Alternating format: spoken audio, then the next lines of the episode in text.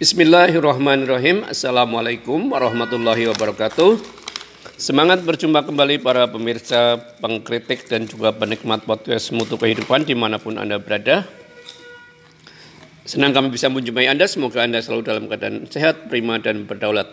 Kali ini kita akan berbincang tentang bagaimana ada usaha produktif dari rumah tangga-rumah tangga yang ada di Indonesia sehingga menjadi basis ekonomi eh, kekuatan negeri yang handal untuk menghadapi berbagai perubahan global. Untuk itu eh, sudah hadir sebagai host Pak Margono. Silakan Pak Margono. Ya Pak, Alhamdulillah. Assalamualaikum warahmatullahi wabarakatuh. Waalaikumsalam warahmatullahi Semoga hari ini pagi yang cerah, semua dalam keadaan sehat walafiat. Eh, mungkin langsung saja Pak Daryanto mungkin ada semacam usaha apa dalam rangka pengembangan ekonomi rumah tangga? Mungkin dari membaca lingkungan atau membaca uh, situasi pasar dan sebagainya. Monggo Pak Taryanto ya. Terima kasih Pak Margono, para pemirsa sekalian dan juga pendengar di mana pun Anda berada, baik di darat, laut, udara, dan di wilayah perbatasan Eh, selama ini rumah tangga dalam uh, kacamata ilmu ekonomi lebih dipandang sebagai uh, wilayah konsumen. Hmm. konsumen artinya dia yang menyerap hasil-hasil produksi. Hmm. Hasil-hasil produksi. Ya. Nah, kalau anggapan ini dibiarkan maka hmm. rumah tangga akan banyak uang keluar. Hmm. uang keluar dan itu artinya kerja keras suami istri itu akan akan banyak keluar nah, karena dipandang sebagai penyerap eh, atau konsumen lah begitu pak. Nah untuk itu perlu adanya upaya-upaya eh, baru untuk menjadikan rumah tangga juga sebagai produsen. Ya. Kalau sebagai produsen artinya dia punya produk dan jasa yang menghasilkan uang masuk, ya. uang masuk. Dengan demikian kalau Eh, kalau ada uang masuk kan berarti eh, stabilitas ekonomi rumah tangga bisa dipertahankan. Tidak hanya keluar saja, tapi ada yang masuk juga kan gitu Pak Margono. Nah terkait dengan hmm, terkait dengan jenis usaha apa yang bisa dikembangkan dari rumah tangga itu bisa diawali dari membaca keadaan.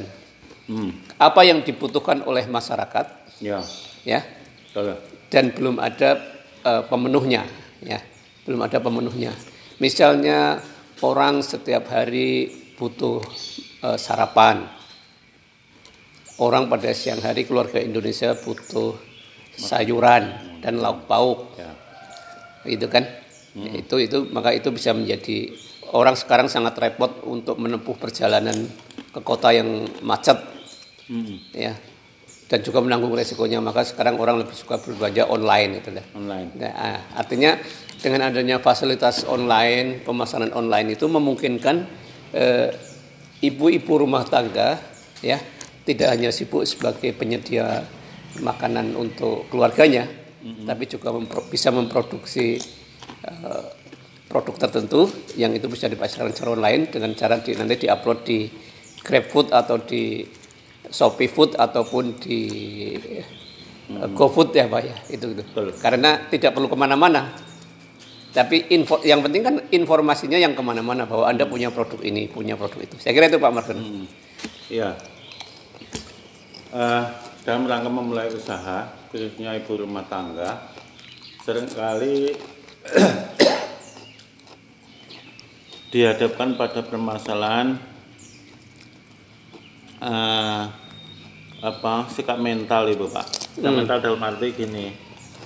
Uh, adol ki apa gawe wah kosong kosong kok kayak rapayu dan lain sebagainya. Sehingga uh, semangat untuk berwirausaha khususnya ibu rumah tangga. Itu kadang-kadang kadang-kadang terbebani pak. Lah ini mohon mungkin Kira-kira bagaimana dan apa yang perlu dibangun khususnya ibu-ibu dalam rangka untuk memulai usaha itu Pak?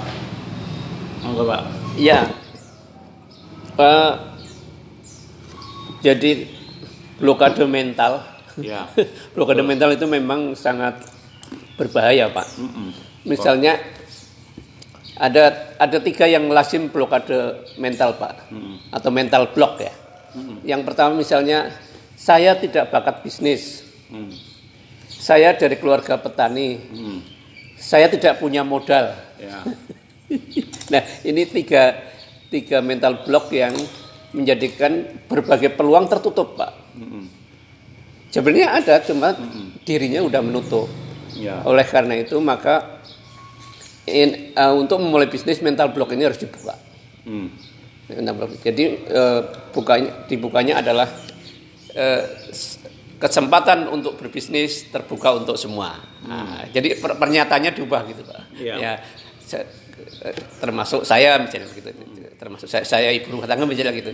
Jadi atau kemudian ternyata setiap orang terlahir untuk berbisnis itu, Nah, termasuk ibu-ibu rumah tangga di Indonesia kan itu.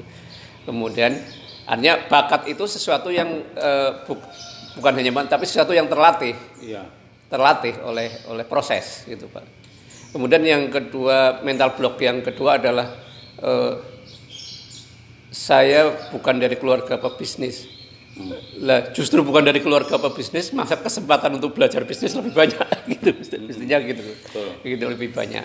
Kesempatannya lebih banyak. Kemudian eh, saya tidak punya modal itu tiga blok yang nah dalam eh, rahasia bisnis Jepang itu modal itu 30% Mm-mm. ya.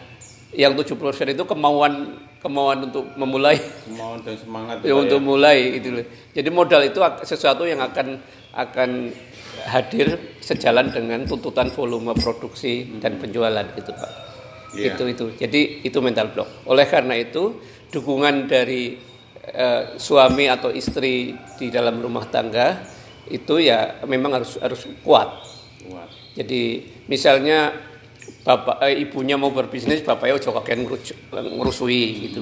Atau atau juga kemudian anak-anak dibantu ngomong dan sebagainya gitu. Supaya ibunya punya kesempatan untuk beristirahat dan juga untuk kesempatan untuk belajar. Nah, eh, satu kunci yang penting adalah untuk mulai di samping mental block tadi juga kemauan untuk belajar.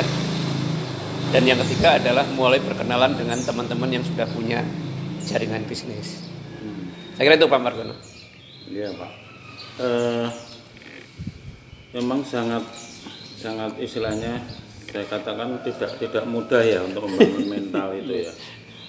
Itu perlu istilahnya keteraturan, latihan dan sebagainya. Ya.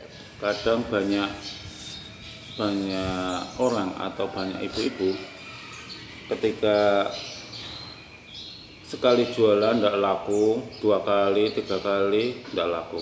Bahkan seharusnya itu kan bisa dibangun memang kesabaran itu pak, teraturan, mungkin satu bulan, dua bulan, bahkan mungkin sampai satu tahun. Iya. Nah itu itu yang enggak yang enggak difahami bagi ibu-ibu khususnya jika mereka mau berusaha sehingga sikap mental dan kesabaran dalam jiwa kewirausahaan itu tidak tertanam pak.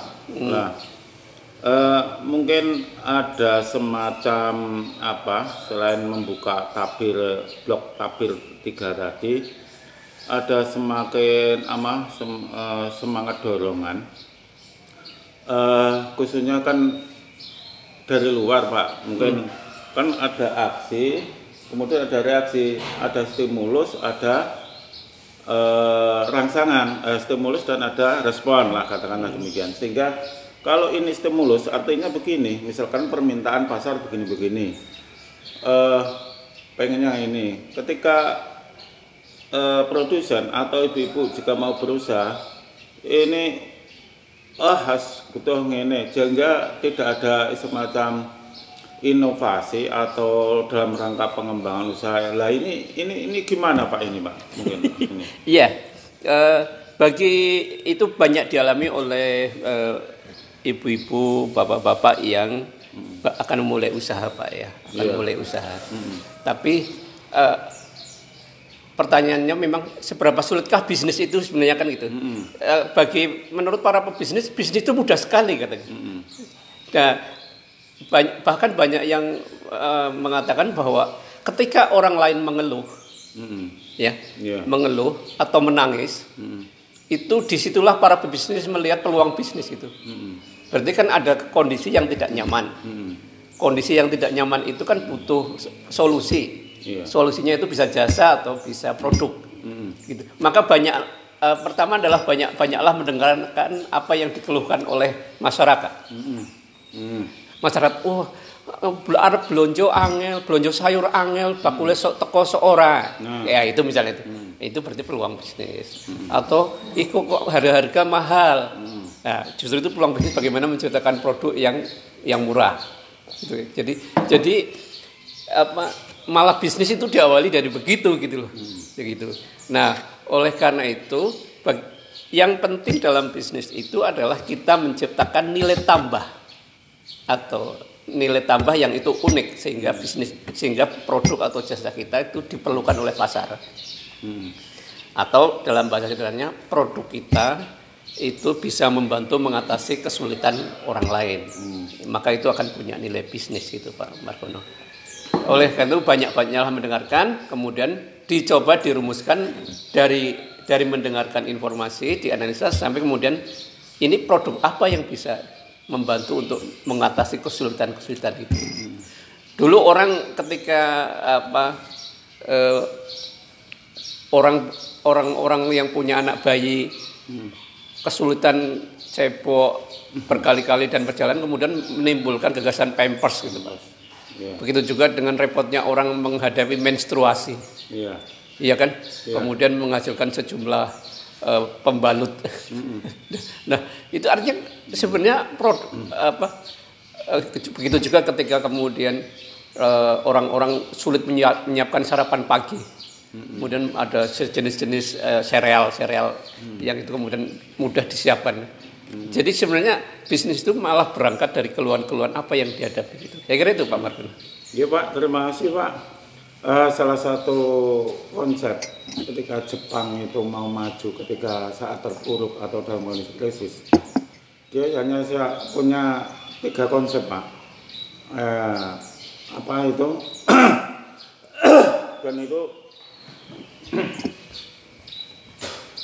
bagus bagi bagi kita semuanya. Yaitu konsep ATM.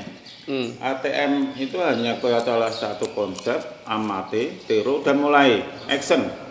Lah, ketiga hal itu itu yang eh, yang M-nya modifikasi kalau belum bisa. lah kalau modifikasi nanti setelah kan ada tahap-tahap ada tahap pertumbuhan, tahap pengembangan dan tahap klimaksisasi itu istilahnya eh, eh, life cycle product ya PLC itu ya product life cycle itu ya itu lah mungkin sementara itu bisa kita lanjutkan besok pada bapak ibu semuanya dan terima kasih Pak Taryanto Ya. semoga bermanfaat assalamualaikum warahmatullahi wabarakatuh Waalaikumsalam warahmatullahi wabarakatuh. saya salah ke belakang.